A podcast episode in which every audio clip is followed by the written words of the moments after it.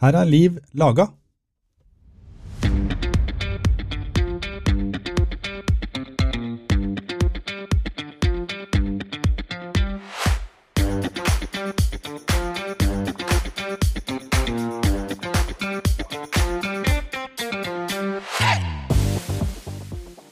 Dagens episode er en oppfølger til forrige uke, og jeg anbefaler deg å høre episode tre først.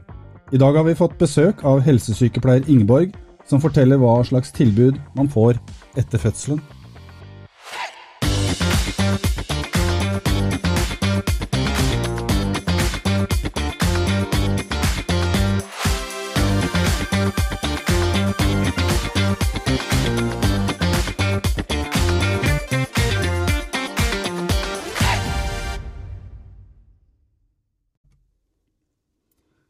Oss i studio i dag så har vi fått eh, helsesykepleier Ingeborg. Hjertelig velkommen. Hei, takk.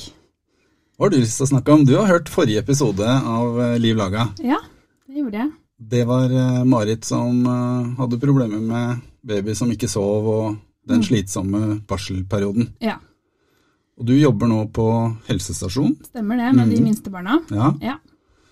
Hva har du lyst til å bidra med? Hva kan du fortelle om din hverdag, og hva ville du sagt f.eks. til Marit? Mm. Jeg ble jo, eh, når jeg hørte historien hennes, så tenkte jeg at dette er veldig gjenkjennelig. Eh, veldig, veldig leit at eh, det er mange som opplever det sånn. Og så jeg tenkte jeg kunne komme og snakke litt om hva som er de egentlig kan forvente da, når de kommer til oss på helsestasjonen fra, fra nyfødt og oppover. Mm. Mhm. Så da Hva er det som er vanlig prosedyre? Når er det man kommer til dere første gang etter fødsel? Eh, vi får epikrise fra sykehuset, og da, da ringer vi hjem til mor. Eh, det pleier å være innen en uke etter hjemkomst, ofte litt tidligere. Og så har vi eh, hjemmebesøk, og da kommer vi hjem til familien innen to uker. Ja, det skjer ofte på dag 10 til 14, men noen ganger tidligere. Og da er alle kjempestressa, da, for da tror de at de skal sjekke renhold og Ja. alt. Noen gjør det. Ja. Noen er sånn 'Jeg har ikke rukket å rydde', og jeg 'Vil du ha kaffe?' Og så er det sånn 'Dere trenger ikke å styre for vår del. Vi er jo der for å se hvordan dere har det, og for å være en støtte', da. Ja. Men eh, det er jo hyggelig med kaffe, da, hvis det er noen som har veldig lyst til å dele med det. Men eh, vi forventer ingenting. Det er babyen vi er der for, da. Ja. Og så å introdusere oss. Og det første besøket handler jo mye om å introdusere tilbudet vi har, og hva vi kommer til å snakke om. Veldig mange av temaene vi tar opp på hjemmebesøket, er ting som blir tatt opp igjen og igjen og igjen gjennom eh, alle kontrollene som barnet skal gjennom opptil fire år. Em, så, så vi begynner å snakke, og så er det viktigste egentlig at foreldrene får svar på det de lurer på. Så vi pleier å begynne med å si at eh, er det noe dere har tenkt på, så må vi begynne med det. Så prater vi om det først, og så kan vi ta alt det andre etter hvert. Og ser vi hvor mye tid vi får også. Kan vi ta resten neste gang. Er det noen gjengangere i hva de lurer på? Eh, det er mye amming, eh, eller mating. Det er jo ikke alle som ammer. Eh, og så er det søvn. Det er veldig ofte oppe. Ja. Så søvn og amming er nok de tingene som vi snakker mest om de første gangene. Ja. Mm. Så, så kartlegger det er både mor og far til stede, da? eller? Eh, Stort sett. Ja. Eh, vi- Det er derfor vi ønsker å være innom før eh, 14 dager, fordi far har jo vanligvis den der eh, to ukers pappapermen rett etter fødsel. Ja. Eh, og det er veldig fint for oss å møte pappa, for ellers møter vi jo stort sett ikke han før han går ut i permisjon et eller annet sted mellom seks og ti måneder. Eh, så vi liker veldig godt at pappa er der, men det må ikke Mm. være sånn. Mm. Har dere noen sånn type verktøy for å kartlegge søvnvaner og sånne ting, eller intervju, er det sånn standardskjemaer, fins det det, eller? Det fins sikkert. Eh, I den kommunen jeg jobber i, så bruker vi ikke noe standardskjema for å kartlegge søvn, med mindre det, det kommer opp noe veldig sånn søvnproblematikk, men det pleier vi ikke å introdusere så tidlig som allerede på 14 dager.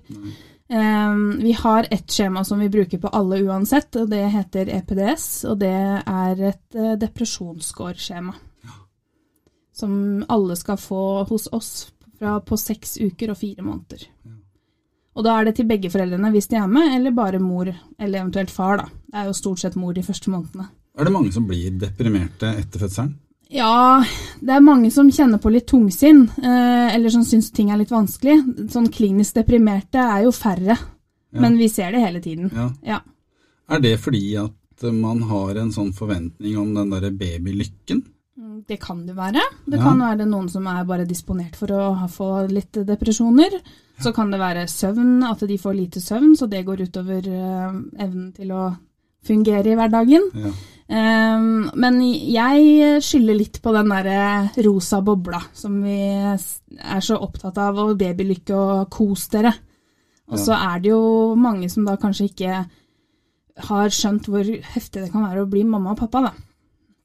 Og at man da, eh, uansett hvor mange ganger det har blitt sagt til deg at det er tøft å bli forelder, så er det litt vanskelig å ta det innover seg før du sitter med den ungen i armene sjøl. Det var i hvert fall for meg. Ja. Ehm, og det ser jeg veldig mange sier at det, det var liksom tøffere enn jeg trodde det skulle være. Mm. Det er vanskelig å beskrive på forhånd, da. Ja, det er det, og jeg tror det er veldig vanskelig å beskrive uten at det blir sånn svartmaling og skremsel, ikke sant? For det er jo ikke alle som har det vanskelig. Nei.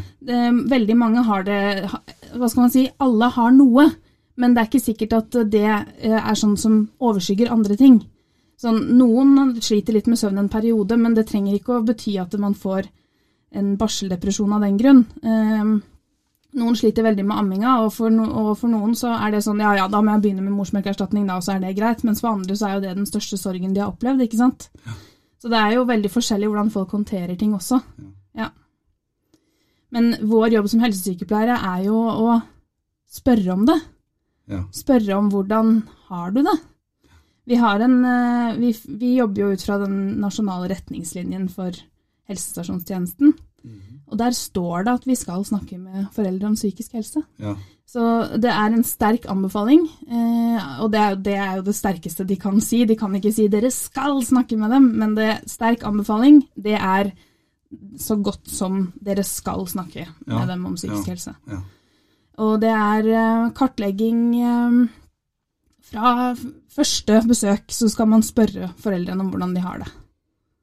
Er det da Jeg tenker at det er mange som At det sitter litt langt inne å innrømme at de ikke er vellykka. Mm, For de har jo ja, den rosa bobla. Instagram-lykken og alt som er så gloria der, og så er jo ikke det sånn for oss akkurat. Det, det var ikke så gøy, det var ikke bare gøy, og det er slitsomt å ha den babyen og sånn, og den verden og realiteten treffer vel mange ganske hardt i ansiktet innimellom. ja. Uh, og det er noen som bruker litt tid på å innrømme det både for seg selv og for oss. Ja. Uh, og så er det noen som er veldig ærlig fra begynnelsen. Jeg har god erfaring med å, å normalisere vanskelige tanker fra første gang jeg møter de, uh, sånn at de vet at det er bare å si det. Det er lettere for meg å hjelpe dere hvis dere sier det med en gang dere begynner å synes at ting er vanskelig. Um, og så tar det, kan det likevel ta lang tid. Ja. Men, um, men eh, jeg prøver å normalisere, for det er jo så mange. Det er jo så mange som tenker, har litt kjipe tanker i begynnelsen, eller som opplever at det tar lang tid å bli glad i barna sine, eller at de har um, at de har eh, bare opplevelse av sånn frarøvelse av friheten sin, ikke sant, og særlig førstegangsforeldre. Det er en sånn voldsom omveltning å bli mamma og pappa. Og livet er ikke som før, uansett hvor hardt man skulle ønske det å prøve det, og man kan ikke bare gjøre akkurat sånn som man vil lenger. Og det, er en, det er jo en eh, frihetsberøvelse på mange måter. Eh, og det tror jeg det er, sitter litt langt inne for folk å liksom innrømme at de syns er vanskelig. da. Ja. At man blir en annen. Jeg tror de aller fleste tenker sånn nei, jeg skal ikke forandre meg når jeg blir mamma eller pappa, så jeg skal bare være den jeg var hele tiden. Og det, det, det er liksom ikke helt realistisk. Man er det til en viss grad, men ikke, man, man er også forelder. Ja. Og da, det er en omveltning, og det synes, er det mange som syns er veldig vanskelig. Ja, for den trenger deg jo 24-7. Akkurat. Du kan jo ikke, som jeg sier til mine kunder også, skal du ta deg en dusj, så må du ha med deg den lille klumpen av en unge inn på badegulvet. Ja. ja. og Og sitte gjerne der. stå og snakke med den samtidig som du Ja, dusjer. helst kjempekjapt. Det var Ja. liksom ikke det store. Du ligger ikke i badekaret og tar uh, duft oppi der og ligger der en halvtime, liksom. Nei, du gjør ikke det. Og, det. og det er nok mange som har sett på Instagram-kontoer og sånn, hvor folk presenterer de perfekte øyeblikksbildene, og så er det jo ikke sånn 24 eller 23,9 timer resten av døgnet, men det er det perfekte øyeblikksbildet som mange tror er babytida, da. Hva er det egentlig som er det viktige i babytida, da? At barnet får eh, dekka kos og mat og søvn, og bare får nærhet med mamma og pappa. Får masse tid til samspill, og eh, at man bruker tid på å bli kjent. Ja. Ja. Og ro. Masse ro. Ikke takke ja til alt mulig besøk. Det er veldig vanskelig å si nei til en veldig ivrig bestemor, men noen ganger så er det det man trenger, og bare Det passer ikke med besøk i dag. Jeg trenger ro. Blir babyen stressa? Babyene kan bli stressa av at det blir veldig mye styr, ja. Mm. Og det er det flere foreldre som legger merke til, at de sier sånn ja, i går var vi i familieselskap, og etter det så ville jo ikke ungen sove. Og sånn at eh, det, Babyer liker rutiner. De liker at ting er som det pleier å være, og ro og rundt seg. Og så, og så kan man eh, kjøre på med alt mulig sånn gradvis etter hvert. Det er jo noe vi har litt kunnskap om også, hvordan hjernen til Mm. et, eh, et, en baby utvikler seg. Ja, fordi Det første året. ja, fordi at eh, barn har jo ikke den der evnen til å skru av alarmen. ikke sant? De har jo aldri hørt så høye lyder før, og de vet ikke hva ting betyr. Så hvis de hører høye lyder, så vil de sette i gang en sånn alarmreaksjon i hjernen. Eh, og da trenger de at mamma og pappa er der for å roe ned. Og så neste gang så hører de den samme lyden, og så tenker de å ja, men dette her er jo trygt, så da går det bra. Men vi trenger jo ikke aktivere den alarmknappen hele tiden eh, når de er helt små. Da kan vi ta det litt sånn rolig. Mm. Så ja. Og prøve å gjøre dag til dag og natt til natt, og ha en sånn ro hjemme, da. De Ja. første, i hvert fall liksom i måneden. Kanskje, vi sier jo at barseltida er de første seks ukene, og det er en sånn gyllen regel at man kan ta det litt rolig da. Mm. Mm. Så ikke dra rett på sydentur. Nei, det Da skal du i hvert fall være ganske vant til å være på sydentur, tenker jeg. ja. Ja. Mm. Nei, men skaffe barnevakt, da. Det er jo bare å stikke av, det. ja, ja, ja, Ja. da er det bare å kjøre på, vet du. Pitt, pitt. Ingen problemer. Nei, mormor kan passe på mens vi stikker av gårde. Ja, men jeg har vært krampaktig på, på festival med en liten baby hjemme, ja, så, så jeg skal ikke sitte her og preke om hvordan folk skal gjøre det. Men da var det fordi jeg ville ikke miste meg selv, og så skjønte jeg etter hvert at dette her er jo bare tull. Nå drar jeg hjem, og så kan jeg dra på festival neste år. Pleier å være festivaler hvert år. Nettopp det, Ja. bortsett fra de siste to årene, da. Ja, den kan vi ta litt utenom Ja. eh, boka, men sånn ellers Ja, Det går en festival neste år, liksom. det er nettopp det. Ja. Det er som jeg sier til mannfolka som er her også. Eh, ja, nå har jo dere termin akkurat i elgjakta. Ja. Det er liksom sånn Å, det var dumt. Eller i fotball-VM, eller andre OL og sånt noe. Ja. Så sier jeg, vet du hva, det er jo elgjakt hvert år. Ja, de elgene går ikke får hos deg. ikke unge hvert år. Nei. Det er liksom sånn derre et par ganger i løpet av livet. Ja, og man skal tenke litt på det at det, i prosent i livet så er den tida fryktelig, fryktelig kort. Sånn at du ofrer egentlig ikke sånn veldig mye av tida di, og så, og så går ting over. Alt blir bedre. Sånn generelt med friske barn så går alt over. Ja. Og, men det er veldig mange som syns det er vanskelig, og det er mange som trenger å prate om at uh, ting ikke var sånn som de trodde.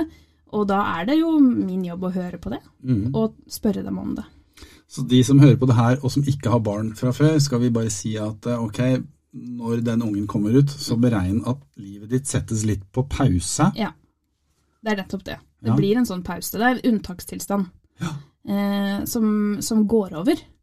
Det er det mange som trenger å høre. Fordi det er Når du sitter med en gråtende unge i fanget, så tenker man at jeg skal aldri få sove igjen, jeg.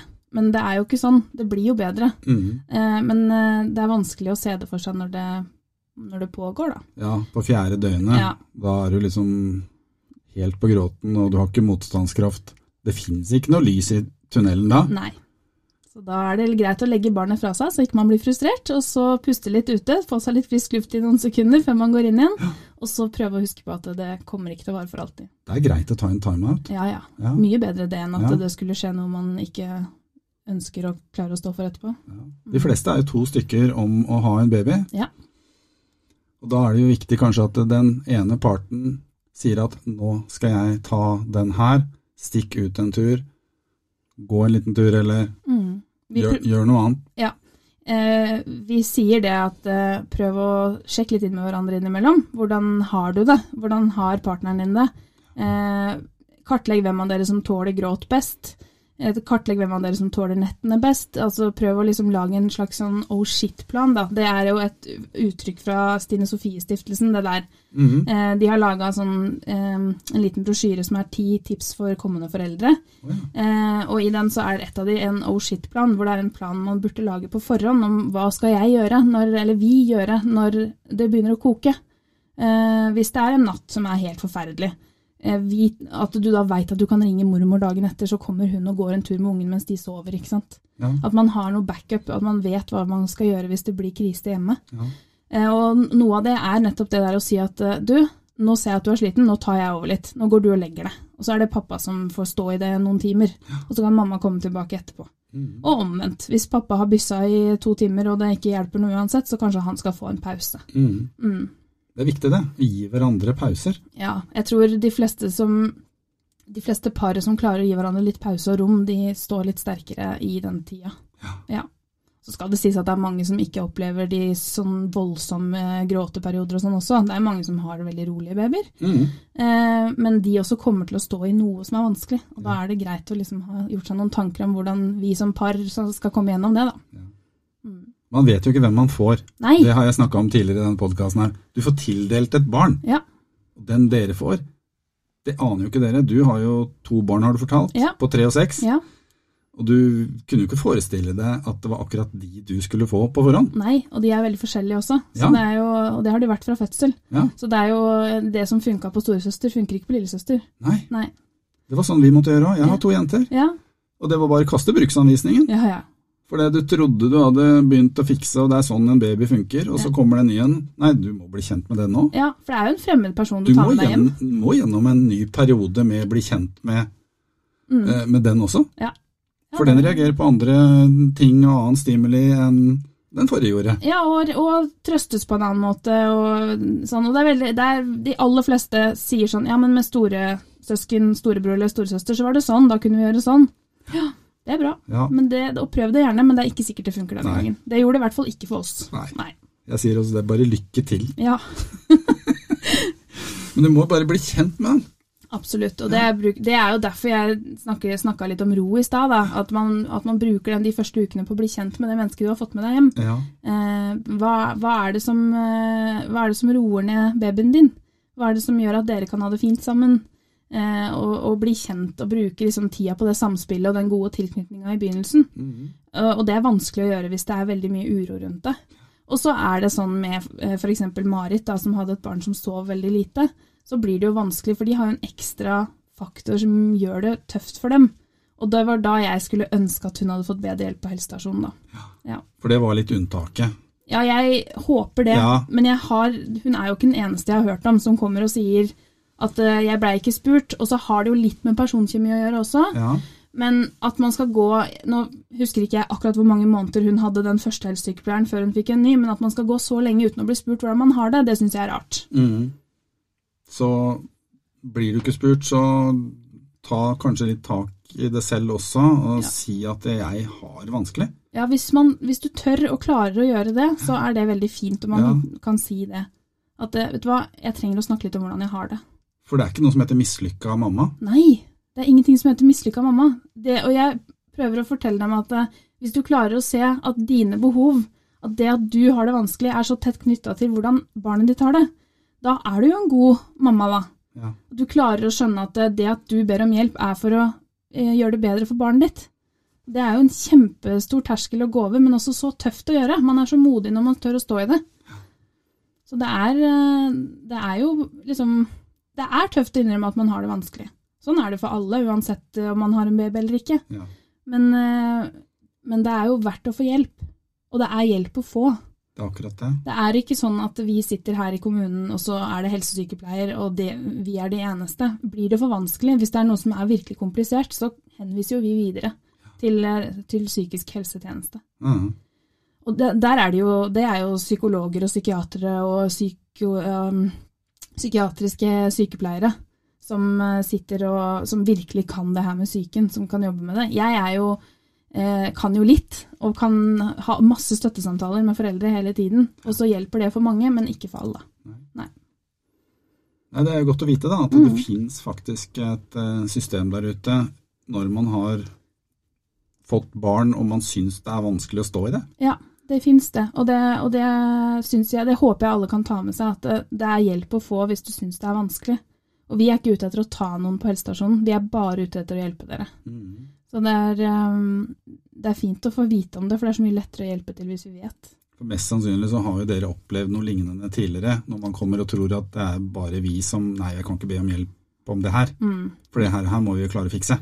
Jeg har hørt alt før. Jeg har hørt jeg har lyst til å kaste henne ned trappa. Jeg har hørt eh, alt. Og det er greit, det også, for man gjør det ikke. Men man er så sliten at du, det eneste liksom, Det hadde vært fint å bare slippe babyen her nå, for da kan jeg legge meg og sove. Ja, Og det er veldig, veldig tøft å tørre å si det høyt. ja. Og så, og så er det veldig mange som bare trenger å si ting høyt også. Alle de kjipe tankene. Tenk så mye skam da, å gå og tenke sånn om babyen sin. ja. Og så er det bare det å få sagt det høyt til en som sier sånn Du, jeg hører hva du sier, jeg veit at ikke du kommer til å skade den ungen. Det går bra. Eh, skal vi finne litt hjelp til deg? Ja. Det er ganske modig å si. Ja. Ja. For den følelsen, når du er så fortvila, så har du bare lyst til å åpne vinduet og kyle den ungen ut fra femte etasje, liksom. Ja. Man gjør det jo ikke. Nei. Men eh, behovet for å bare få pausen Ja, det handler jo ikke om å skade barnet sitt, Nei. det handler jo om å, om å komme seg ut av en situasjon som er veldig vanskelig. Ja, Og da er det Og babyen gjør situasjonen veldig vanskelig. ja, Men eh, de fleste har eh, sånn mildere reaksjoner enn det. Men poenget mitt er at vi har hørt det før. ja. Ja. Så det er bare å si det, så får dere hjelp. Litt før enn man kanskje, når krisa er vokst seg kjempestor. Ja, gjerne det. Jeg, skulle, jeg håper jo at de aller fleste blir spurt lenge før krisa er så stor at, man, at det er helt kaos og alt er mørkt. Mm. Eh, vi skal spørre. Ja. Ja. Da er det fint da, at man har et besøk av deg litt tidlig i prosessen etter at man har kommet hjem med babyen. Ja. Så man blir litt kjent face to face, og så får man en person som man faktisk kan forholde seg til og, og kontakte og vet at det er terskelen der jeg er her for deg, bare ring meg, så, så skal vi få snakke om det. Ja, og det, det er jo litt det som er så fint med hjemmebesøket. At vi får en, en mulighet til å møtes tidlig og kan komme tidlig i gang og kan plukke opp signaler på at oi, dette var kanskje ikke så greit med en gang. Eh, og så møtes vi jo veldig ofte i begynnelsen. De første seks månedene er det jo månedlig, og kanskje oftere også. Eh, så det er mange muligheter til å få snakka sammen. Ja, Eh, og jeg har veldig stor forståelse for at, eh, en, at mamma, en mamma eller pappa som sliter, trenger å liksom teste meg ut litt før eh, de tør å si noe. ja, Eh, og det er det også flere som gjør. De må føle litt ut hvem er dette her, kan jeg si Tåler hun det jeg skal si, liksom? Mm. Og det har jeg full forståelse for. Ja. Eh, så kommer det gjerne etter hvert. Mm. Mm. Så de første seks månedene da møtes man ganske ofte, og da går de gjennom litt av de samme tingene Ja. på en måte. Bare Ja. Mm, Ikke alltid, ikke alt hver gang, men, eh, men eh, de samme tingene kommer igjen og igjen og igjen eh, på hjemmebesøket og så videre utover. Da. Så vi snakker om eh, søvn, barnestell, ernæring, eh, trivsel, også hvordan foreldrene har det, familiesituasjon, hvordan foreldrene hadde det når de vokste opp. Har de vært utsatt for vold, f.eks.? Eh, vi snakker om psykisk helse, snakker om om de har hatt noe uhelse tidligere. Vi snakker om eh, ja, alt mulig. Og så kommer eh, temaene igjen gjennom eh, de første Egentlig alle konsultasjonene vi har, da, men de første seks månedene er det jo hyppig, da. ja. Så er, de første seks månedene er det månedlig, og så er det litt forskjellig fra kommune til kommune, men ca. på åtte måneder, ti måneder og tolv måneder, og så 15-18 år måneder, og så to Ja. og fire år. ja. Så man slipper ikke tak i dere med en gang. Vi slipper ikke ordentlig tak før uh, noen gang, egentlig. Jeg har jo ansvar for barna helt til de begynner på skolen, det er bare at jeg ser dem ikke så ofte etter, mm. etter fire år, da. Mm. Nå er jentene mine 25 og 28, kan jeg komme til dere og prate litt om det, eller? Du kan komme og snakke om de kommende barnebarna. Vi får ta det der igjen. Ja. Ja. Nei da, det var veldig fint. ja. Så det var veldig koselig at du kunne komme. Jo, bare hyggelig. Det var helt uh, fint å få satt litt eh, perspektiv på hvor dere kommer inn i bildet for å hjelpe de som har fått barn. Ja. Ja. mhm. Og en liten tanke som slår meg. em, søsken oppi det hele her Mm. kan jo også reagere veldig forskjellig på å få en baby. Ja. Jeg ser jo det her på min klinikk når de har med kommende søsken. Mm. Hvis de ikke er så gamle, så er de jo heller ikke så veldig interessert og opptatt og fokusert på en ny baby. Det er bare å si baby i magen, og de klarer å si sånne ting. Men de som er sånn fire og fem år, de begynner å bli litt mer bevisst på seg og sin rolle Ja. og tap av foreldrene, Ja. som de sikkert er redd for. Ja. Jeg ser jo det veldig godt. Ja. At da begynner de å få en forståelse for her kommer det en konkurrent, faktisk. Mm. Hva, hva Har dere noe å bidra med der? Ja, vi, kan, vi snakker om søskensjalusi også. Det kommer, kommer også opp etter hvert. Eh, hvordan går det med storesøsken oppi det med å ha fått baby? Det vi ser er Altså Det er noen storesøsken som blir så forbanna på den babyen at det, det, at det er jo ikke noe gøy. At de kan klype f.eks. eller noe sånt. Det er helt vanlig. Det er ikke Ja. noe uvanlig i det. Men det er også veldig mange eh, som blir veldig kjærlige mot, store, nei, mot lillebror eller søster, men kan bli ganske forbanna på mamma. Hvorfor det? Nei, fordi mamma, det er mammas skyld at det er blitt sånn, og mamma er plutselig ikke så tilgjengelig lenger, ikke sant? Mm. Fordi at eh, hun ammer eller gir mat til babyen, og så, skal, og akkurat når jeg skulle leke med tog, liksom, så skal mamma sitte med den ungen igjen. Ja. Så det er veldig ofte mammaer får litt sånn pryl. Ja.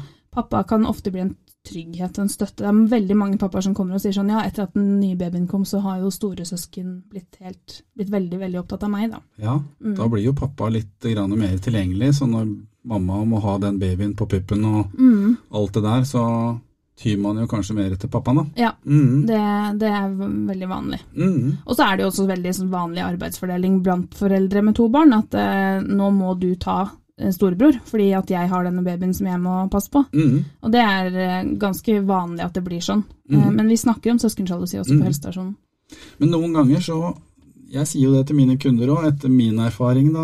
Eh, så sier jeg at av og til så skal pappa ta babyen, Mm, og så skal bare mamma og den store være sammen. helt enig. Ta en liten tur til byen, eller gå på kino eller sånt noe, Ja. sånn at de får kose seg. For de skal jo ikke miste mammaen sin helt. Helt enig. Og noen ganger så skal de bare ha mamma helt for seg sjøl. Ja. Og man skal si til de at selv om vi får en ny baby, så skal vi være like glad i deg for det. Ja, det er For det akkurat den utryggheten er vel det jeg kanskje observerer fra min side. da, Mhm. At barn tenker 'hva skjer med meg nå'? Mamma og pappa driver og ser på ultralydskjermen her hos meg, Ja. på den nye babyen, og der sitter lille Kristoffer eh, ved siden av pappaen sin og lurer på hvorfor det, og hva skal skje med meg nå? Mm. Når de får en ny en, Ja. da er de kanskje ikke like glad i meg. Mm. Mhm. Ja, det er masse trygging som skal til, Ja. også, men også det, at, eh, det å dele på foreldrene litt innimellom, sånn som du sa at mamma får, får litt fri fra babyen for å være sammen med den eldre, det er veldig, veldig fint. Mhm. Det er Du bra må for liksom dem. huske på, huske på at eh, den store har to foreldre fortsatt. Ja, det er nettopp Ja, det. ja. For ellers så blir mamma veldig borte, Ja. Uh, og det, det er jo greit å unngå. Og så er det fra klokka typ fem om ettermiddagen og ut, så er jo ofte babyer veldig urolige. Eh, og da kan det hende at eh, det er ikke mamma som legger meg for tida. Også, men da er det kanskje ekstra viktig at eh, det skjer innimellom. ja. Eller, at det, eller at det er en annen ting som man gjør sammen med mamma som er litt sånn fast, da. Ja. Ja. ja. For den der kveldsuroen til babyer er veldig vanskelig å styre. Den Ja. kommer hos nesten alle sånn nesten på slaget. ja. Eh, og, da, og da blir man litt låst, da. Hvorfor blir de urolig på kvelden? Nei, det Veit jeg ikke. Det er, eh, jeg ser for meg at det er mye inntrykk som skal bearbeides, og så blir de litt sultne, og så er det Men det er jo bare Det har jeg ikke forskninga på hvorfor det skjer, bare. Det bare er sånn. Det er kanskje litt mer action på ettermiddagen når begge foreldrene er hjemme fra jobb og Mm, søsken er hjemme fra skole, ja. barnehage. Og så er det vel sånn Mer lyd i huset, ikke sant? Ja, og så er det vel sånn også at kvinner produserer generelt litt mindre melk på ettermiddagen, så barna jobber, må jobbe litt mer for det, babyene. Mhm. Sånn at da blir det jo et litt ekstra irritasjon at eh, når jeg først skulle spise, så var det plutselig ikke så mye som det var i morges. Nei, Ja.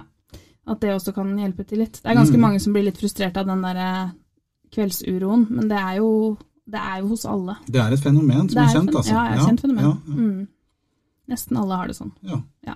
Så får man litt advarsler om det fra dere òg, da. Så vet man at dette kan du regne med. Ja, det pleier vi å snakke om. Det er ikke den eneste babyen som er sånn. Nei, Nei. Det er, det er, og så har jeg så sagt sånn at eh, det skulle vært en sånn klubb som alle kunne bare dra til om natta når de tror de er de eneste som er våken med en baby.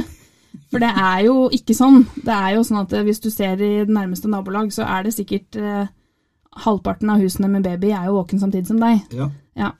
Så man er, det er noen som finner trøst i å vite at man er i samme båt som veldig, veldig mange andre.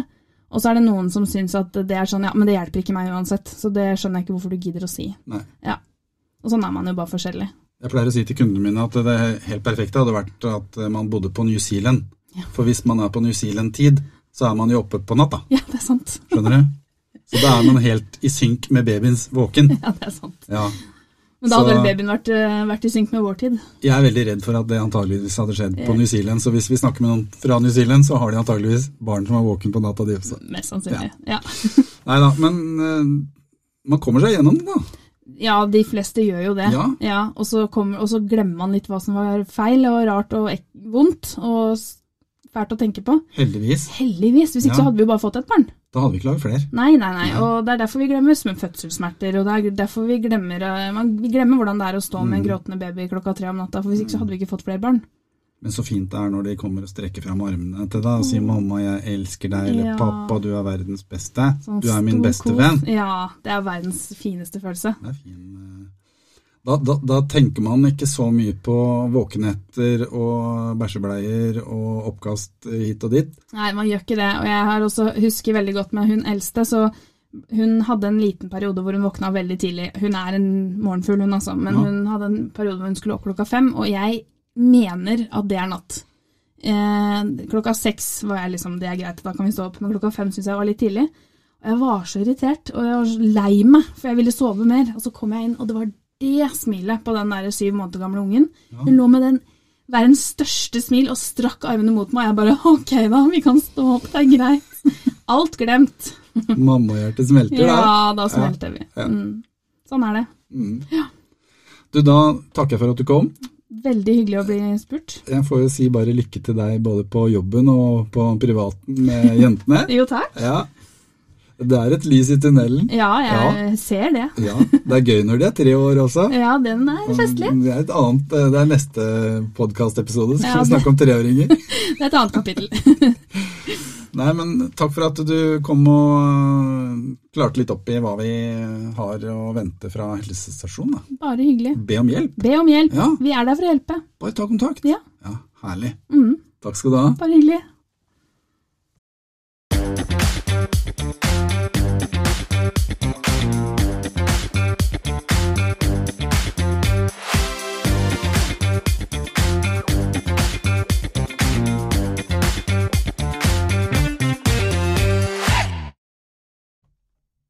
Denne podkasten er spilt inn i vårt Liv Laga-studio ved Klinikken i Drammen. Ansvarlig for podkasten er Dag Harald Hovin. Husk å legge inn en påminnelse der du fant denne episoden, slik at du får varsel om når neste episode er lagt ut. Vi har en egen Liv Laga-konto på Instagram. Følg oss gjerne der, og jeg setter utrolig stor pris på å høre fra deg, både ris og ros.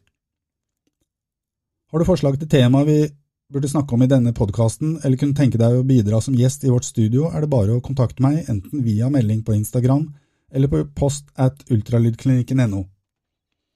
Hvis du vil bestille time ved en av våre avdelinger i Bergen eller Drammen, kan du gå inn på ultralydklinikken.no og finne en time som passer for deg. Her finner du også en side med spørsmål og svar dersom du har noe du lurer på.